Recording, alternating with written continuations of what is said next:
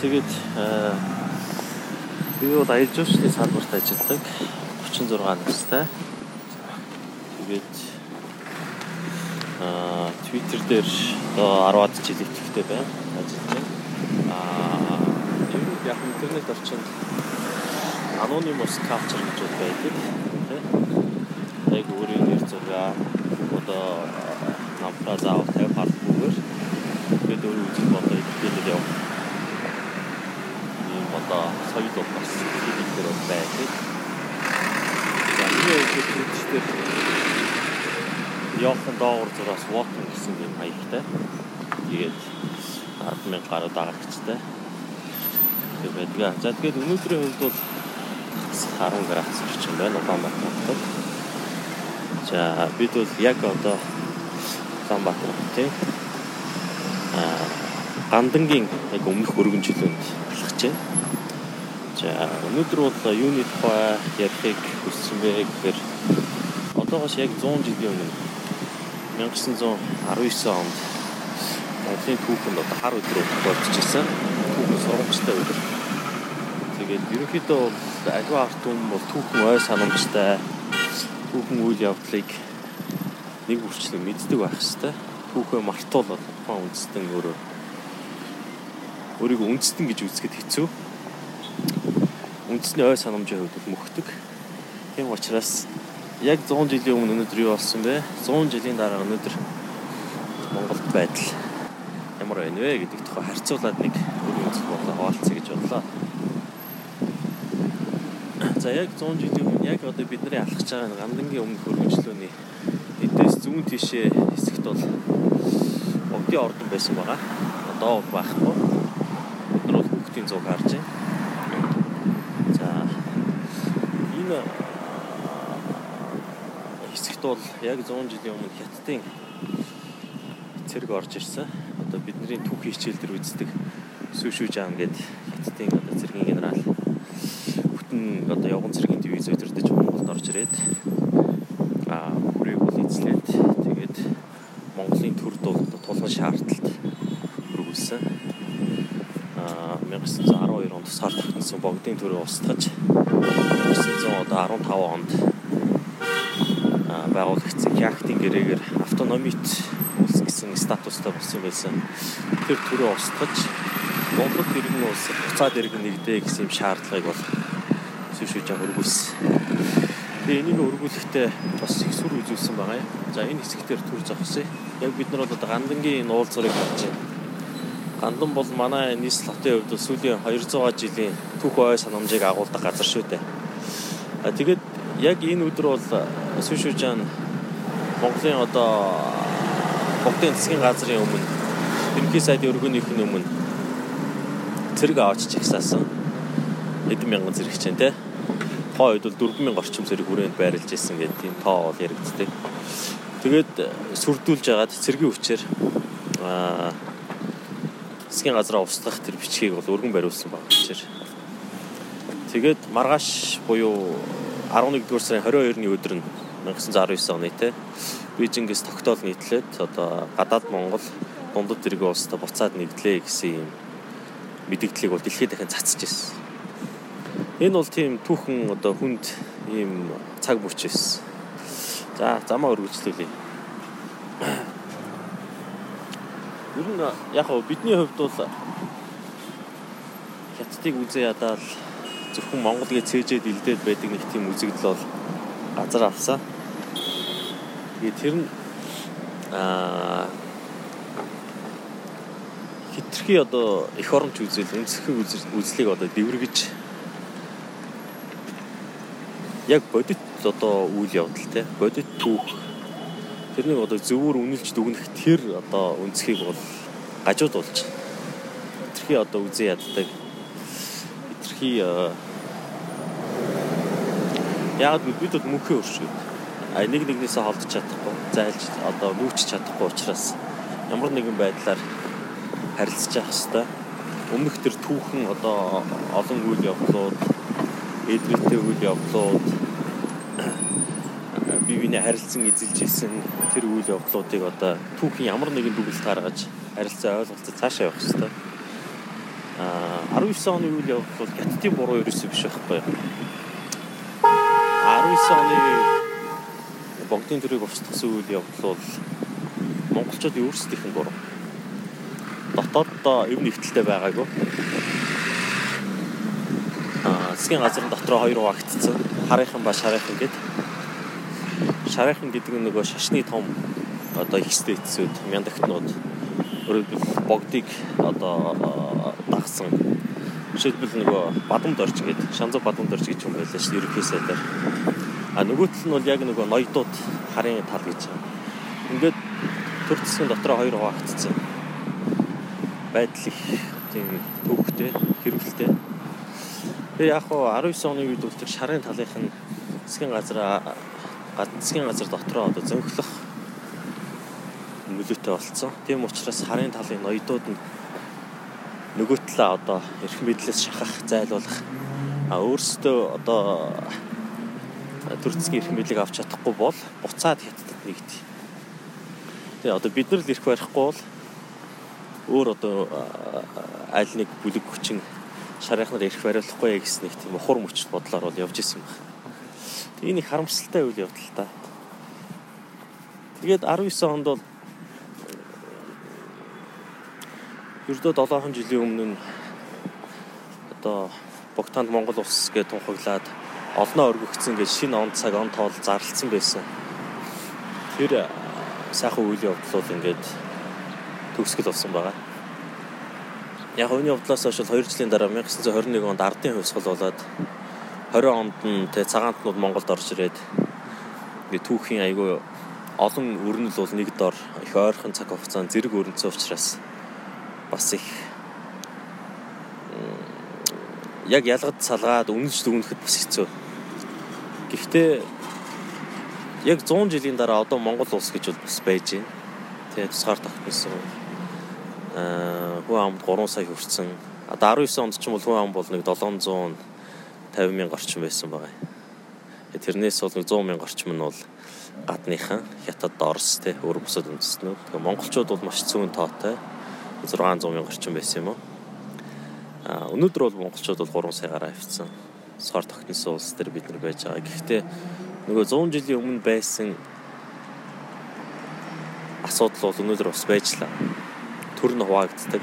Байнгын хэрүүл тэмцэлтэй. Тэгэхээр зүгээр энэ түүхэн өдөр энэ түүхэн газар гудамжаар бид нэг ингэж алхаж байгаа нь болох тэр бас яг энэ үйл явдлыг мартаж болохгүй сургамж авах. Тэгээ ер нь цаашдаа ирээдүгөө харахын тулд бид яах ёстой юм бэ гэдэг дээр өнгөрсөн түүх бол биднийг бол дандаа сургаж идэг. Аа ер нь талцал хуваагдлаас бид нар бол аль болох те зайлсхийх ёстой. А яг өнөхөр төрд ажиллаж байгаа хүмүүс нь хувийн эрх ашиг, хувийн тэр амбицаа дарж явах ёстой. Нийтлэг эрх ашиг, үндэсний эрх ашигын төлөө одоо зам мөр алхмаа бол чиглүүлж байх ёстой гэдгийг сургамжийг бол бидэнд өгдөг. За 100 жилийн дараа өнөөгийн Монгол улс ямар байна вэ гэвэл ерөнхийдөө бол сайн тал маш их байна. Нэгдүгээр тусгаар тогтмол эдийн засгийн одоо хүчин чадал, газар нутаг, тэ дэлхийн хамтын нийгэмлэгийн гишүүн болцсон энэ төр гээд олон гололттой тал байгаа. А нөгөө талаар бас асуудлууд бидэнд байна. Ямар асуудал миний хувьд бол одоо энэ санааг их зовоодаг вэ гэвэл их олон асуудал бол байгаа. Гэхдээ энэ дундаас илүү нөгөө Монголоос залуучууд, боловсралтай залуучууд одоо гадаадад мэрэгжил эзэмшсэн суралцсан залуучууд нь дайжаад байна. Яг ийм үзэгдэл бол айгүй их газар авчлаа. Энэ улс орны ирээдүг цааш нь авч явах хэвээр аа хөгжлийг бол түүчээлэх хэвээр залуучууд нь Монголдо бол одоо амьдрах сонирхолтой байна. Аа орчин орчин нь бол байхгүй байгаа дэлхийн хэмжээний цалин орчин одоо дэлхийд өөр газруудад санал болгож байгаа тэр таатай орчин бол Монгол багхгүй байгаа учраас тэд нар бол явж байгаа. За энийг бол ойлгож байна те нэг талаас. Нөгөө талаас тэдгээр залуучууд бас нэг эх орон сэтгэлтэй байгаасаа гэж боддог. Гэхдээ хэн ч гэсэн таатай амьдралыг хөөгөөд аштайхан одоо орчин руу яваад өгвөл өгнө шүү дээ Энэ улсад чинь эзэн үлдэхгүй шүү дээ. Тэ. Аль одоо өлегтэй оюуны одоо боломжтой потенциалтай залуучууд нь ялангуяа залуу хүмүүс нь яваад байгаа юм. Ингээд хувийн амьдралаа бодоод яваад өгөхөр чинь яг энэ хөгжлийг одоо гардаж хэрэгжүүлэх, түүчэлж явах хүмүүс нь баггүй байгаа даа. Тэтгэврт гарч байгаа эсвэл үеэ өнгөрөөж байгаа үеийнхнаас бид нэр шинээр одоо хүлээх зүйл бол байхгүй шүү дээ. А яг дөнгөж одоо сургууль төгсөж байгаа залуучууд, дунд сургууль төгсөж байгаа хүүхдүүдээс бид нар юу хүлээх вэ? А яг дунд насны мэрэгшсэн дэлхийн боловсролыг эзэмшсэн хэл устай залуучууд нь яг Монголдо байж ээж энэ улс орны хөгжилд оролцож те ингэж цааш нь авч явах бол шаардлагатай байгаа гэж боддог. Миний эмзэглэж явдаг зүйл нэг л те. Тийм болох дээр яг өнөө маргааштай яг одоогор бол зөв гадаад тэргийн амны тоогоор бол 160 мянган орчим монголчууд гадаадд амьдарч тийм байлээ. Амьдарч байгаа гэдгийг суралцж байгаа, ажиллаж байгаа, аж төрж байгаа гэсэн үг тийм А ер нь нийт 90 оноос хойш одоо Монголоос гарч явсан хүмүүсийн тоо бол үр хүүхэд тэгээ гадаадын иргэн болцсон энэ төр тоотойгоо нийлэх юм бол баг хагасыг төгч байгаа. Тэр хагасаа хүн бол хамгийн одоо тий амьдралын төлөө зүтгэлтэй чадвартай хэсэг нь байгаа хгүй юу? Оюуны потенциалтай боломжтой. Тэгээ тийм хагасаа юуныг бид үгүй алдчихад ш зүйлэн 30 жил. Энэ бол аюу харамсалтай байхгүй. Тэр хүмүүс Монголд байсан бол эсвэл Монголдо эргэж ирсэн бол өнөөдөр юу бүтээж болох байсан те? Нийгэм ямар байх байсан бэ гэж бодоход бид нар бас ухамсарлах хэрэгтэй эргцүүлэх хэрэгтэй хэрвээ энэ подкастыг сонсож байгаа гадаад амьдарч байгаа залуучууд энэ төр байх юм бол энэ тухай бодоорой одоо ажиллаж байгаа ажил төрлөө хийж агаад тодорхой хугацааны дараа эх орондоо эргэж ирээрээ их орондоо эргэж ирэхтэй те бас хоос эргэж ирэх хэрэггүй. Өөрчлөлий гэсэн төлөвлөгөөтэй өөрийн ажил мэргэжлийнхээ онцлог тохирсон жижиг бизнес хийх юм уу? Эсвэл шинэ технологи нэвтрүүлэх юм уу те? Яг ийм чиглэлээр ажиллая гэдэг юм өөрийн төсөөлөл төсөлтөд эргэж ирээрээ гэж бас уриалмаар байгаа. Суралцж байгаа нөхдүүд бол ерөнхийдөө Монголдо эргэж ирээд дэлхийн боловсрол эзэмшиж ирэхээр бас хүндрэлтэй байгаа. Яг ажлын байр нь байхгүй. Байлаа гэхэд тэрэн дээр нөгөө улс төрийн томилгоогоор хүмүүс очиж суудсан. Тэгээ тийм учраас ерөнхийдөө шантраад эсвэл одоо залхаад те системийн асуудлаас болоод ингээд буцаад гадагшаа явчихад байгаа. Айгүй их олон залуучууд хэдэн мянган ийм залуу байгаа шүү дээ. Яг нарийн тод тэд хэд гэж хэлж мэдэхгүй гэхдээ хэдэн мянга бол байгаа байхгүй. Тэгэд хэдийгээр нөхцөл байдал тийм сайн биш те. Улс төрийн ийм одоо маш хэцүү орчинд тэгээд гадаад дотоод орчны ийм хайчин дунд оршиж байгаа ч гэсэн яг энэ 100 жилийн өмнө бид нар одоо арай гэж авч үлдсэн те. Устгуулан барин байж 100 жилийн өмнө устгуулчаад 2 жилийн дараа бид нар сэргээж чадсан шүү дээ 21 он 1921 он. Энэ тусгаар тогтнолоо цааш нь батжуулахын тулд хүн болго ухамсартай байгаасай аа түүхээ сайн уншиж гэж уриалмаар байна. Тэгээ ер нь би ч одоо яг дунд насндаа орно 36 настай энэ жил 36 э, орсон тэгээ 30 таа байсан үе 25 таа байсан үе 20 таа байсан үе гэж бодох юм бол хүний бас төлөвшлийн үе юм байна л да. Тэгээ одоо би өмнө нь бол 20 морьтой байхдаа ер нь явах юмсэл гэж боддог байсан. А тэгшээ. Тэгээд миний хувьд бол бас Франц, Швейцарт тодорхой хугацаа өнгөрөөсөн. Тэгээд ер нь Европын боловсрал бол бас үнэхээр одоо дэлхийн түвшний боловсрал байдаг. Эргэж ирээд Монголдоо ингээд нийгмийн байдал, хүмүүсийн боловсролын түвшин, харьцаа, хандлага тий цалин энтрийг хараад үнэхээр голдог. Гэхдээ ингээд цаг явахын хэрээр бол тий үнэхээр Монгол бол бидний орон зай өөр улс оронд бол ийм орон зай бидэнд олдохгүй.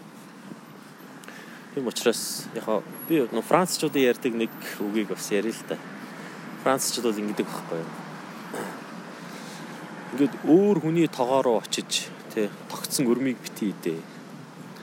Өөрийнхөө тогоонд байгаа сүг одоо өрөн болтол нь ингэж тий хөдөлмөрлөө гэдэг байхгүй юу? Бид нар бол нөгөө бэлэн болцсон нөгөө Европын юм уу дэлхийн энэ хөгжилтэй орнууд руу очиад тэр өргөн дээр нь очиад шүү дээ. Бэлэн тэнд сайхан байгаа. Өөрийнхөө тоогоотой өрмийг бид нэр цүг түүх хийсүү бид нэр өрн болтол нь хөдөлмөрлөх хэрэгтэй байхгүй. Тэр ажлаа хийцгээе.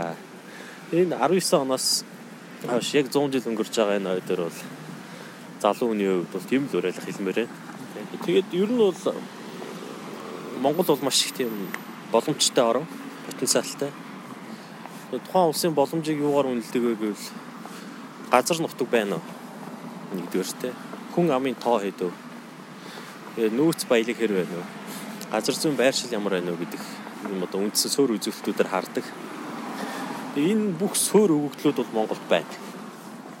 Энэ бол тэнийх талаас нөгөө энэ газар нутгийг авч үлдэж тусгаар тогтнуулж бидэнд үлдээсэн те энэ бидний өвгдээсэн бас авъя авахгүй юу?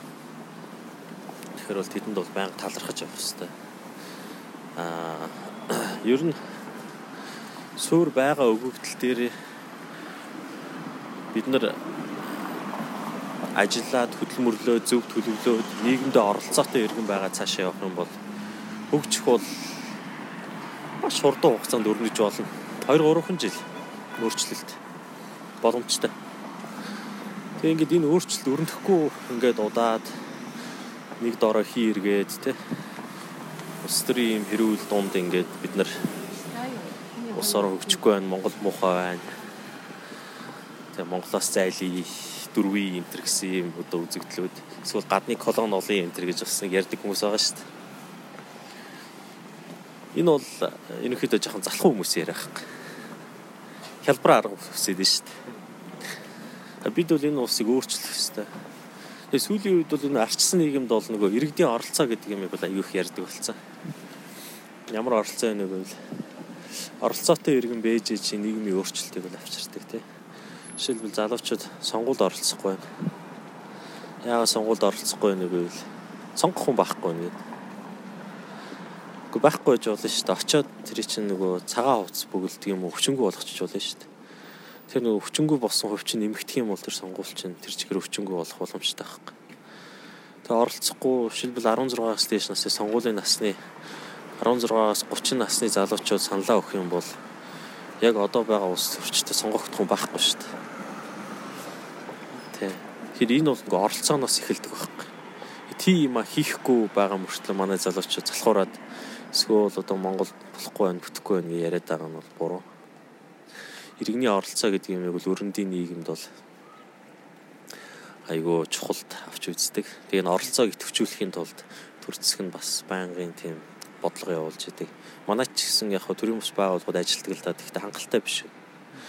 Бид нэр 16 оны сонгуул, 12 оны сонгуул, 8 оны сонгуулийг харахад залуучууд ер санал өгөхгүй байгаа. Дандаа настай хүмүүс тэтгэврийнхэн итгэвтэй. Тэгээ тэр хүмүүсийн сонголт чинь одоо яг бидний харагдаж байгаа зүйл байгаад байна шүү дээ Тэгэхээр бол 16-аас 30 насны 30 хүртэлх насны энэ залуучууд энэ бол дор хаяж хагасаа сонгогч бол байгаа. Аа нийгэм итгэвтэй байх хэрэгтэй. Дараа нь өөрчлөлт бол ирнэ. Сонгуулийн ганцхан цикл 4 жилийн хугацаанд бол өөрчлөлт ирж болдог. Тэгээд харж байхад бол тиймэрхүү л санаа бодлууд бол бэж идэг. Аа өөр нийгэм сайн сайхан зүйл бол байлгүй яах вэ? Улс орон бол хөгжиж байна. Шин техник технологи нэвтэрч байна. Тэ? Аа бид нарт бол бас дэлхийн хэмжээний мэдээлэл авах боломж одоо интернетээр дамжаад бол үүссэн байна. Аа ерөнхийдөө нэг юм томьёол байдсан шүү дээ. англи хэл ухаалаг төхөөрөмж интернет гуравтай байхад дэлхий таны гарт ирж байгаа гэдэг Тэгэхээр дэлхий бол хол биш. Бидний хүсээд яриад байдаг тэр дэлхийн хөгжил тэр бол ерөөсөө яг гартаа байгаа хөөх. Утсан дотор чинь. Өдөр болгон бидний одоо эргүүлж байгаа таймлайн дотор байж байгаа хөөх. Тэрийг өөртөө хэрхэн одоо ашигтайгаар тусгаж авах те. Тэр тусгаж авсан, олж авсан тэр зүйл мэдлэг мэдээлэл бодол тэр зүйлийг хэрхэн одоо өөрийнхөө амьдралд ашиглах цаашлаад нийгмийн баялаг болгон хувиргаж чадах вэ гэдэг тэр чадамж бол харин асуудалтай. тэрийг бүрэн ашиглах хэрэгтэй. Боломж нь байгаад идэг ашиглахгүй байгаа бол тэгээд одоо арчаагүй л гэж хэлэх билгүй дээ, тэ. За би бол аялал жуулчлалын салбарт одоо 16 7 жил ажиллаж байгаа. Яг нь сүүлийн үед бол сансрын аялал жуулчлал гэдэг юм шинэ салбар орж ирж байгаа. Энэ бол нөгөө стратосферийн давхар буюу дэлхийгээс дээшээ 30-аас 100 км дотор гарчаад буцаад буугаад ирдэг тийм аялал жуулчлал хөгжиж байгаа. Тэгээ яг их үедээ бол энэ чинь нэг 2000-аад оны их үед нэг удаагийн нислэгийн нэг зорчигчийн үн чинь 20 сая доллар байсан. Тэгээд дэлхийн тэр бомтон мөнгөний боломжтой хүмүүс 20 30 хүн бол ниссэн байгаа. Жуулчнаар. А одоо сүүлийн үед бол нөгөө Richard Branson-ы Virgin Galactic гэдэг яг юм сансрын аялал жуулчлалын чиглэлээр ажиллаж байгаа төсөл өгжүүлж байгаа компани байдаг. Та нар бүгдээрээ мэдэх бах. Тэднийх бол нэг удаагийн нислэгийн үнийг нь 250 мянган доллар болгоод булгацсан байхгүй. Virgin Galactic сая яг сарын өмнө Нью-Йоркийн хөрөнгөний бирж дээр хувьцаагаа гаргасан. Өөрөөр нөгөө бирж дээр хувьцаагаа гаргана гэдэг чинь энэ бизнес бол үнэхээр бодиттой зүйл юм байна. Баялаг бүтээх одоо бизнес юм байна. Үнэхээр хэрэгжих одоо бололцоотой төсөл юм байна гэж хөрөнгө оруулагчид харсан учраас тэнд гарч байгаа шүү дээ. Тэгэхээр бидний уламжлалт нөгөө аялал жуулчлалын ойлголт тэр цар өрөө бол шал өөр юм хэмжээсүүд рүү орж байгаа. Бид нар нөгөө түүх ярьдаг шин. 13 дугаар зууны түүх. Тэгээл нүүдэлч ахав махав гэх зардаг бүтээгдэхүүнүүдийн маань агуулга ерөнхийдөө жоо хуучирчаад байгаа. Нэг л юм аа давтаал тэгэл түүхээ яриад. Одоо шин одоо салбар руу шин чиглэл рүү орох хэрэгтэй. Дэлхийд өрсөлдөхийн тулд Тэр сансрын аялал жуулчлалын ямар боломж бололцоонууд байна гэдэг талаар бол яг манай салбарынхан бус залуучууд судалж байгаа. А Монголоос бид нар агаарын бөмбөлөг хөргөж болж байна. А агаарын бөмбөлөг нь өөрөө тийм дотроо юм капсул агуулсан. Зорчигчийн кабин гэсэн үг л дээ. Тэгээд сансарт гарчаад бөмбөлгөөрөө буцаад буугаад ирж болох. Нэг өдрийн дотор. Тэр ийм төрлийн аялал жуулчлал хөгжүүлэх бололцоог бол судалж байна. А техникийн хувьд бол боломж бол бүрдсэн юм билэ. А ерөнхийдөө нэг удаагийн нислэгийн өртөг бол дунджаар 75 мянган орчим доллар байгаа юм бил. Агарын бөмбөлгөөр явахад. Аа тэгээ тэр үнийг бууруулж болох ямар өшөө арга зам байна гэж судалж байна. Аа сансрын технологи гэхээр бид нар бол сансарт нисэх тухай, пуужо хөргөх тухай, сарлуу эсвэл марс руу хүрэх тухай ингээд их холын юм бодоод идэг. Үнэ эрэхтэй бол маш ойрын зүйл байгаа байхгүй. Тэгэхээр тэр одоо шин чиглэлүүд рүү ажиллахаар бас Монголд бас тийм сансрын технологиор мэрэгсэн инженер залуучууд байгаа. Японд төгссөн. А монголч өөрөө бүр 1981 онд сансрын гүрэн болцсон шүү дээ. Үнэ нисгээд тэгээ суурь шинжилх ухаанаа хөгжүүлээд шинжилх ухааны академич нөгөө сансрын шинжилх ухаануудтай холбоотой бүх суурь судалгаануудыг хийдэг хим, физик, биолог, астрофизик одоо орон судлал те. Тэгэхээр өгөгдөл бол байгаа байхгүй. Тэрэн дээр суйрлаад бид нар цаашаага ямар эдийн засгийн шин чиглэл, шин салбар үүсгэж болох вэ гэдэг талаар бол судалж байгаа. Ийм зүйл байгаа ш. Тэ. За ингээд энэ миний 1287 дахь алхам байлаа. За баярлалаа.